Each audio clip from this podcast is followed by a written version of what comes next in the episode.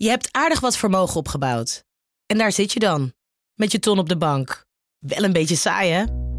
Wil jij, als belegger, onderdeel zijn van het verleden of van de toekomst?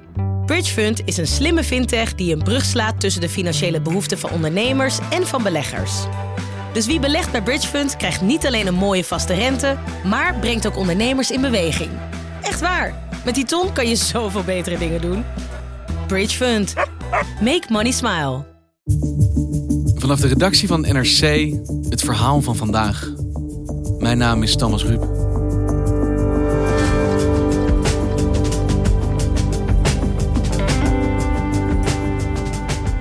Het zou morgen zomaar kunnen gebeuren.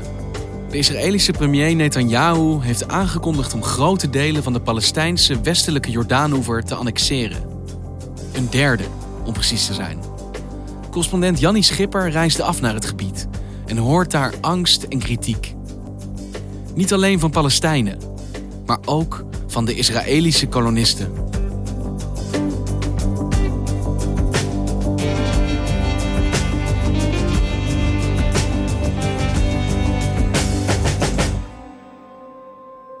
Ik ben vorige week naar de westelijke Jordaanoever geweest. Dat is het grootste Palestijnse gebied. Ik heb daar Israëlische en Palestijnse plekken bezocht en met bewoners gepraat en met vertegenwoordigers gepraat. En ik ben als eerste naar Beit Omar gegaan. Dat is een Palestijns stadje met tegen de 20.000 inwoners. En Beit Omar is eigenlijk omringd door Israëlische nederzettingen. Dus als je daar naartoe rijdt, dan zie je op de heuveltoppen eromheen zie je rode daken, witte huisjes. En dat zijn over het algemeen Israëlische nederzettingen. En een Israëlische nederzetting kan echt verschillen van een stad van tienduizenden inwoners tot een paar hutjes. Maar de gemene deler is dat al die nederzettingen, dus die Israëlische nederzettingen, in gebied staan dat als Palestijns wordt beschouwd. En de Israëlische nederzettingen zijn volgens het internationaal recht illegaal. Uh, maar Israël ziet ze gewoon als deel van Israël.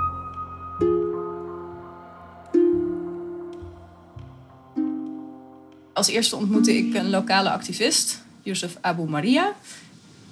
En die liet een beetje zien waar je nou aan kan zien van dit is Israëlisch en dit is Palestijns. En dat is eigenlijk heel simpel. Want een van de grootste uh, problemen die ze hebben is de watervoorziening. Die is vrij ongelijk verdeeld. Dus zij kregen bijvoorbeeld maar één keer per week water aangeleverd, wat ze dan opslaan op een tank op hun huis. Terwijl de nederzetting die er echt maar een paar kilometer van af ligt, constant water heeft.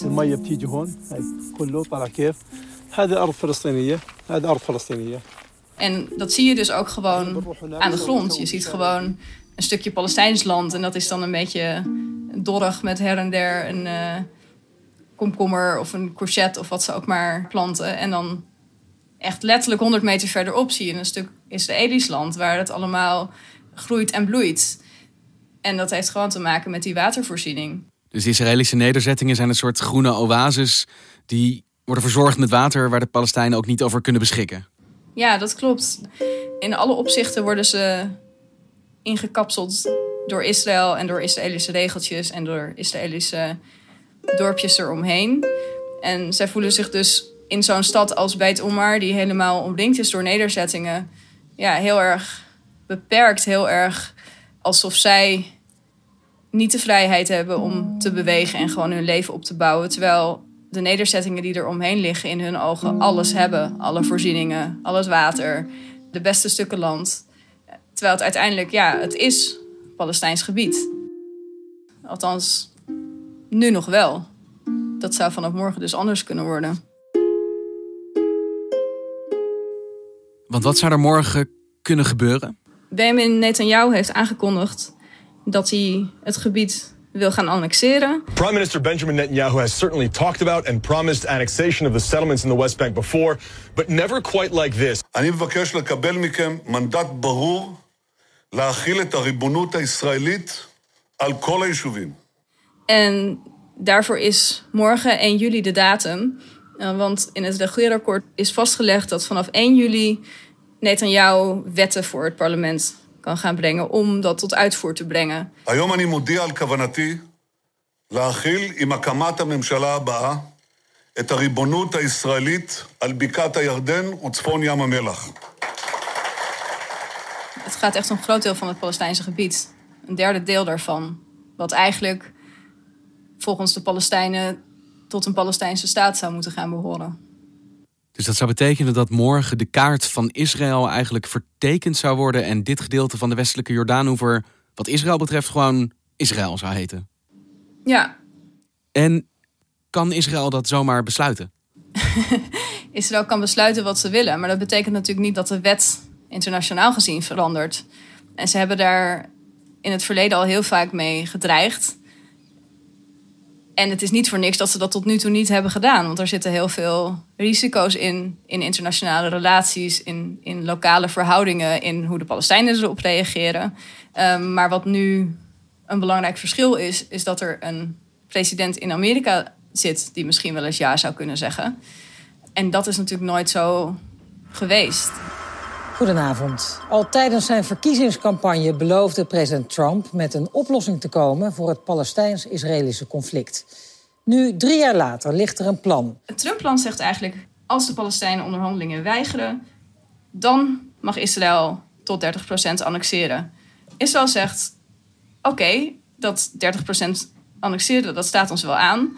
Eh, wij horen niks van de Palestijnen. Die hebben ook al gezegd dat ze het weigeren. Dus wij mogen dat gaan doen. En waarom doet Netanyahu dat nu? Hij doet dat nu om verschillende redenen. Hij doet dat nu omdat hij nu nog premier is. Dat is hij al een hele tijd. Maar het is de vraag of hij dat na deze regeerperiode nog heel lang gaat blijven. En wat natuurlijk belangrijk is, is dat het nu kan. Er is nooit eerder een Amerikaanse president geweest die zo ver groen licht heeft gegeven om zo ver te gaan. Als je het ooit wil doen, dan moet je het onder Trump doen. Ja, dat is een beetje het idee van nu is de kans om dit te doen, dus doe het. En gewoon nu zoveel mogelijk pakken wat je pakken kan, want dit is de window of opportunity en die gaat misschien straks wel weer dicht. En hoe kijken ze hiernaar in Beit Omar, dat stadje waar jij was? Nou, een van de eerste dingen waar we eigenlijk eh, bij kwamen was de weg die daar langs loopt en waar ze bezig zijn om die weg te verbreden. We kwamen daar Palestijnse arbeiders tegen. Ik liep daar naartoe om even te kijken wat er zo in die, in die kuil onder dat tentje gebeurde. Ik stelde me aan de arbeiders voor. Salam alaikum. Het klaasje. كيف الشغل هون؟ كويس كويس؟ لقيتوا إشي ولا لا؟ لا لا En dat was allemaal لا شو عندك op het Palestijnse akker, waar al een deel van afgesnoept was door die weg. En iets verderop stonden ook paaltjes in de akker van dat, dat moet er in ieder geval nog bij. En er waren iets van 150 ver- meter verderop ook nog werkzaamheden gaande. Eh, wat in ieder geval de activisten en ook de boeren die daar op het land aan het werk waren wel tot het vermoeden of de angst in ieder geval brachten van ja, misschien gaan ze ook nog wel een zone om die weg heen maken en is deze akker dus gewoon straks ook nog weg. Zijn bang, straks is dit hele land ook niet eens meer van ons. Waar mensen bang voor zijn in dit stadje en eigenlijk Palestina in het algemeen, is dat alles waar ze nu al onder te lijden hebben, dus de beperkingen, de, het gebrek, aan bewegingsvrijheid, economische druk, het innemen van land, beperking van water, al dat soort dingen, dat die alleen maar erger worden als het officieel Israëlisch gebied wordt. En in zeg maar iets abstractere zin maai je gewoon alle hoop op nog een Palestijnse staat hiermee weg.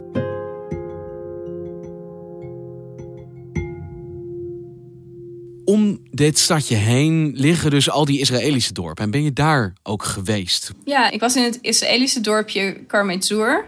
Dat ligt vlakbij Beit Omar. Karmet Zur ligt eigenlijk zo vlakbij Beit Omar dat je eh, tussen de vogeltjes van Karmet Zur door de gebedsomroep van Beit Omar hoort. Je rijdt daar binnen, je ziet huisjes, bomen, een, eh, meisjes op een schommel. Er is een wijkje met nieuwe flats waar vooral de jonge gezinnetjes wonen. En er is een andere wijk, wat dan de zogenaamde oude wijk is in het midden, waar eh, ja, de, de oudste huizen zijn uit de jaren tachtig. Dus zo oud is dat ook niet. En het is een religieus dorp, dus veel mensen zijn religieus gekleed. Dat alle vrouwen, alle getrouwde vrouwen een doek om hun hoofd hebben. En dat vrouwen ook geacht worden om een rok te dragen en niet een broek. Dus ik had ook braaf mijn kolonistenrok aangedaan. Om niet uh, al te aanstootgevend te zijn. Dus het is, ja, eigenlijk is het een heel gewoon wijkje. En ik, ik stond op een gegeven moment op de galerij van een van die nieuwbouwwoningen. En het is net een Hollands Phoenix wijkje. Met het verschil natuurlijk dat het permanent bewaakt is en dat het midden in bezet gebied ligt, midden in de bergen. Hoe kijken ze vanuit daar naar wat er nu in Israël mogelijk besloten wordt? Ja, eigenlijk ben ik bijna alleen maar mensen tegengekomen die er om allerlei redenen tegen waren, of in ieder geval grote vraagtekens bij hadden. They are here and they are not going anywhere. And we are here and we are not going anywhere. Mm -hmm. And uh, we'll have to deal with, with it when it comes. Ik sprak bijvoorbeeld Esti Uliel Shamai, een van de bewoonsters van Karmet Zur, uh, Israëlische nederzetting. En zij zei, eigenlijk proberen ze nu een heel gecompliceerd probleem op een hele simpele manier op te lossen. En zetten ze alleen die eerste stap van annexatie, zonder na te denken wat er moet gebeuren met de Palestijnen die daar zijn, want die zijn hier ook om te blijven. En dan kan je niet verwachten dat het rustig blijft in het gebied. Als je, zoals zij het zei, een vlag plant en dan maar hoopt dat het verder goed komt, alleen maar om te laten zien dat je iets doet, dan heb je niet echt een oplossing bedacht. I think it, it will be a mistake, a big mistake. Because the deal of the century uh, tries to bring a solution to the complicated uh, uh, situation mm-hmm. that we live in. If they don't find um, solution for uh, all the villages, it won't be a solution at all. Daarnaast waren er gewoon heel veel mensen die in het duister tasten wat dat plan precies inhield. Dus die ook zoiets hadden van ja, hoe kan ik er iets van vinden als ik nog niet weet wat het is. Als alle details nog vaag zijn. Eigenlijk in het dorpje waar ik was, waren de meeste mensen om heel nationalistische redenen tegen. En dat, ja, dat klinkt een beetje tegenstrijdig, want je zou zeggen 30% annexeren, nou, neem wat je kunt krijgen. Maar omdat het wordt gepresenteerd als een onderdeel van het Trump-plan, waar dus ook, zij het ver weg, maar toch de mogelijkheid van een Palestijnse staat heel duidelijk naar voren komt, zijn zij bang dat als ze dit accepteren, dat ze daarmee dus ook uiteindelijk dat op de rest van die 70% een Palestijnse staat komt. En dat is iets wat ze absoluut niet willen. En ik sprak de burgemeester van Gush Etzion, dus van het hele nederzettingenblok eigenlijk. אם התשובה היא כמו שאנחנו מבינים, שיש כאן הסכמה למדינה פלסטינאית, ויש כאן בידוד יישובים והקפאת בנייה, אז אנחנו לא נסכים לזה. En die zei dat ook, van we willen gewoon niet de kans dat wij dit nu aannemen en dat dan vervolgens hier in dit gebied een Palestijnse staat komt. Want dat is echt iets wat ze niet zien zitten. אף אחד לא יודע. ובסוף, מדינה פלסטינאית. אנחנו נגד. Want zijn er ook mensen voor dit plan? Natuurlijk zijn er ook mensen voor. Uh, dat gaat dan vooral om rechtse kiezers die wel of niet in die Israëlische nederzettingen in bezet gebied wonen. En die zijn voor omdat het ten eerste een erkenning is dat de nederzettingen, zoals zij het zien, gewoon bij Israël horen. En er zijn praktische redenen dat bepaalde dingen zoals bouwen juridisch makkelijker worden. En ten derde, in bijna elk vredesplan is er nu sprake van dat de nederzettingen ontruimd moeten worden of een deel ervan. En dat wordt veel moeilijker als het officieel Israël is. Maar de meeste mensen die ik heb gesproken, die zijn allemaal tegen. Want als jij vanuit de Palestijnse gebieden natuurlijk uh, angst en kritiek hoort, doe dit niet. Maar dat eigenlijk ook aan de Israëlische kant, bij de Israëlische nederzettingen opvangt. Waarom dan dit plan? Nou ja, annexatie is iets waar Netanyahu vaak mee dreigt, maar wat hij eigenlijk nooit heeft gedaan. Omdat Netanyahu bekend staat als iemand die eigenlijk risico's mijdt. En dit is nou bij uitstek een plan waar heel veel risico's aan zitten. Waarom je het toch nu wil doen, dat is ten eerste vanwege Trump natuurlijk, die is er nu en die gaat misschien wel weer weg. Ten tweede omdat hij zelf allerlei juridische en andere problemen heeft en weet dat hij recht zou kunnen worden ingehaald. En dus dit wil laten zien als een achievement, als een erfenis die hij achterlaat, dat hij echt iets heeft gedaan. En het is ook zo dat hij, toen het Trump-plan gepresenteerd werd in januari, zag alles er nog anders uit. En nu hij dit eenmaal zo overtuigend heeft gebracht en er alles van af laat hangen, kan hij ook moeilijk meer zeggen: Nou ja, laat ook eigenlijk maar en niks meer doen.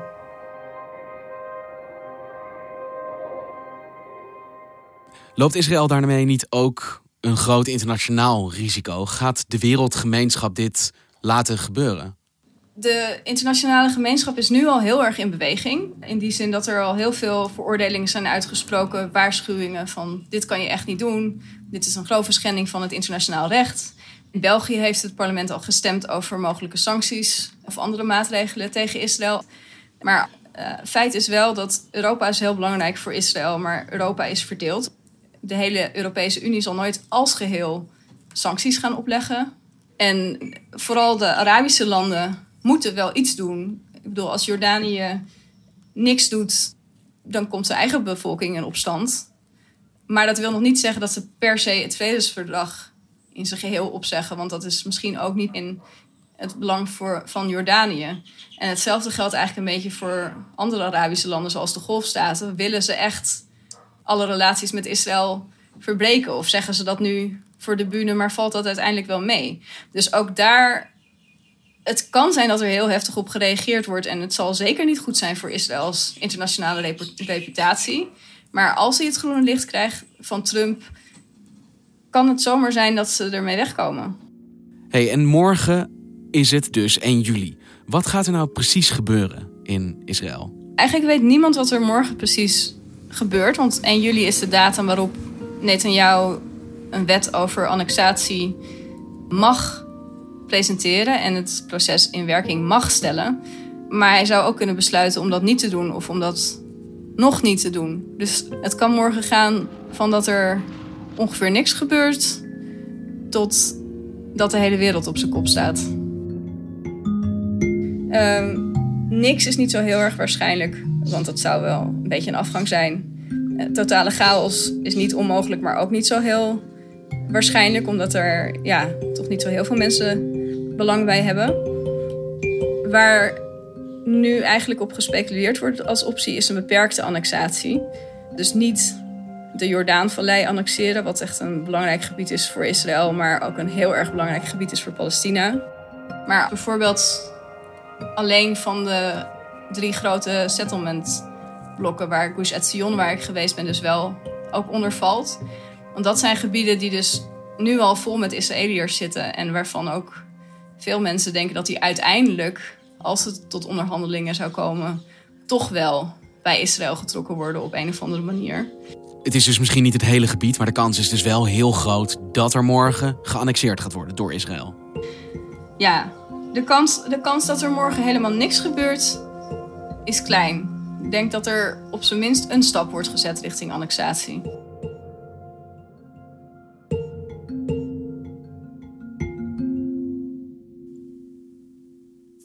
Gaan het morgen zien.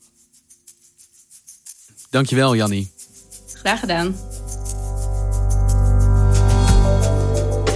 Je luisterde naar vandaag, een podcast van NRC. Eén verhaal, elke dag. Dit was vandaag.